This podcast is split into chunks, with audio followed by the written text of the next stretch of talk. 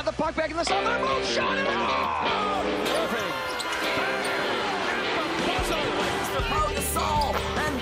You want to go? Let's go then. Pagan coming in. Dives and he makes the catch. Locker Room, amb Ruth Vilar. D'aquí uns 10 minuts anirem ja cap a Cornellà del Prat per fer la transmissió d'aquest Espanyol Atlètic de Madrid, eh, però abans hem de passar per Nova York i fer un locker room. Ruth Vilar, com estàs? Bona tarda. Hola, bona tarda, molt bé. Bon dia per tu, eh? Sí. Avui parlarem de... De què parlarem avui? Eh, Va, no, desvetlla-ho tu, millor. Va, si et parlo de hits o imparables, de home runs, Home de runs. peloteros, del maleficio de la cabra o del Big Papi, de què estem parlant, Home, si em David? dius home runs, amb home runs ja, ja sé que parlarem de béisbol. Això del malefici de la cabra m'has deixat una mica, una mica parat. Què vol dir malefici de la cabra? Doncs, doncs això no t'ho explicaré jo, perquè avui, que volia parlar de l'inici de la nova temporada de la Major League de Béisbol, la Lliga Professional de Béisbol dels Estats Units, he decidit anar a buscar el Puyal del béisbol. El Puyal?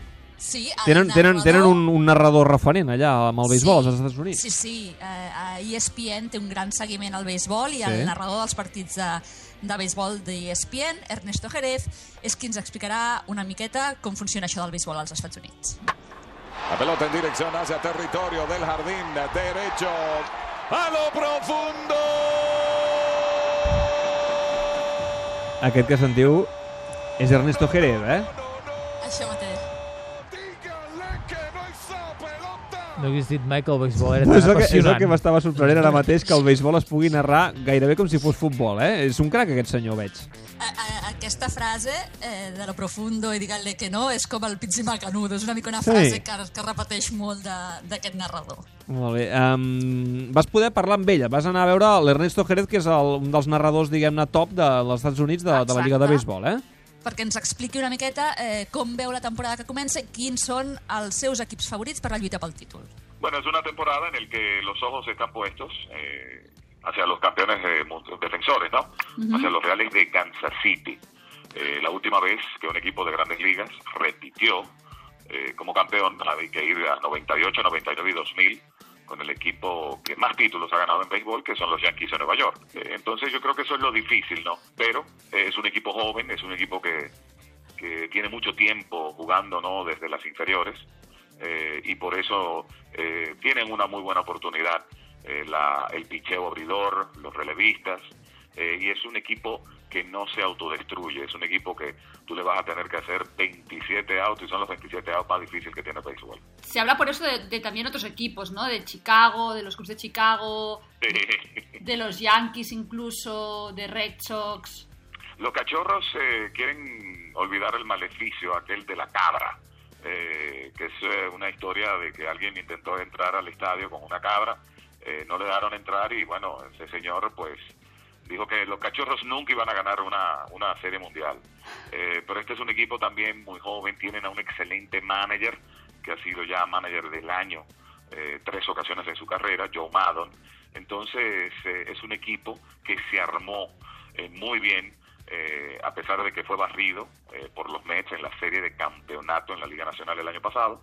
Eh, este es un equipo, irónicamente, el gerente general, el encargado de las operaciones, Theo Epstein, era gerente general de los Medias Rojas de Boston cuando Boston se sacó el maleficio del bambino por aquello de Babe Ruth. Entonces, eh, este es un equipo que tiene a- al novato del año, este es un equipo que tiene al Cy Young de la Liga Nacional, el mejor lanzador premiado, Jay Carrieta, y también tiene al manager del año, Maddon. Entonces, ahora yo creo que ellos están pendientes en ir un poquito más lejos que el año pasado, cuando quedaron terceros en la división central de la Liga Nacional, que es la división más reñida que tiene todo el béisbol, junto a los Cardenales, a los Piratas, allí estaban los tres mejores récords del año pasado. Eh, tienen buenas posibilidades, eh, naturalmente, eh, quizás, quizás la experiencia, el balance que le puede dar el manager eh, con la veteranía que tiene, eh, les pueda ayudar eh, en caso de que vuelvan a llegar a postemporada eh, este año. M'ha semblat extraordinari que algú intenti entrar a un estadi, en aquest cas de béisbol, amb una cabra per, per fer un malefici. Eh, tremendo, tremendo. Eh, M'he apuntat, eh? Eh, Royals eh, de Kansas City i els Cachorros de Chicago, eh? els grans favorits per guanyar la Lliga de Béisbol. Això mateix, i no tapis el boli, David, perquè ara has d'apuntar eh, quins són els jugadors que hem de seguir de un dominicano, le dicen el Big Papi, David Ortiz, bateador designado con los Medias Rojas de Boston, que se retira después de terminar esta temporada. También está Alex Rodríguez, bateador designado de los Yankees de Nueva York, que cada vez se acerca más a los 700 cuadrangulares. Eh, solamente hay tres eh, jugadores en la historia del béisbol que han superado la marca de 700 vuelas cercas. Eh, por supuesto, al hablar de Barry Bonds, el rey de todos los tiempos, cuando uno habla también de Hank Aaron y de Babe Ruth. Entonces, Alex Rodríguez pudiera llegarle a esa lista también de los 700 cuadrangulares. El japonés Ichiro, que ahora está con los Miami Marlins, que busca la hazaña de alcanzar 3.000 imparables en el béisbol de los Estados Unidos. Ichiro consagrado también en Japón ya muchísimas temporadas, vino a Estados Unidos, ya tiene muchas temporadas aquí también, en Cooperstown, Nueva York. Eh, y por supuesto, ¿no? Eh, cuando uno habla de las grandes rivalidades que tiene este deporte, eh, Yankees, Boston, eh, los Cachorros de Chicago y los Cardenales de San Luis, los Dodgers de Los Ángeles y los Gigantes de San Francisco, que irónicamente esta es una bonita historia, eh, en los últimos años pares han logrado ganar eh, 2010, 2012, 2014, y muchas personas dicen, bueno, ahora que estamos en 2016, los gigantes también Les toca. van a poner anillo de campeón. Eh, ¿Cómo ves tú la salud del béisbol en, en Estados Unidos? Eh, en Estados Unidos este negocio es redondo, genera 9 mil millones de dólares al año, eh, cada vez más, eh, hace dos años, eh, unos 70 67 millones de fanáticos visitaron los estadios en la temporada regular,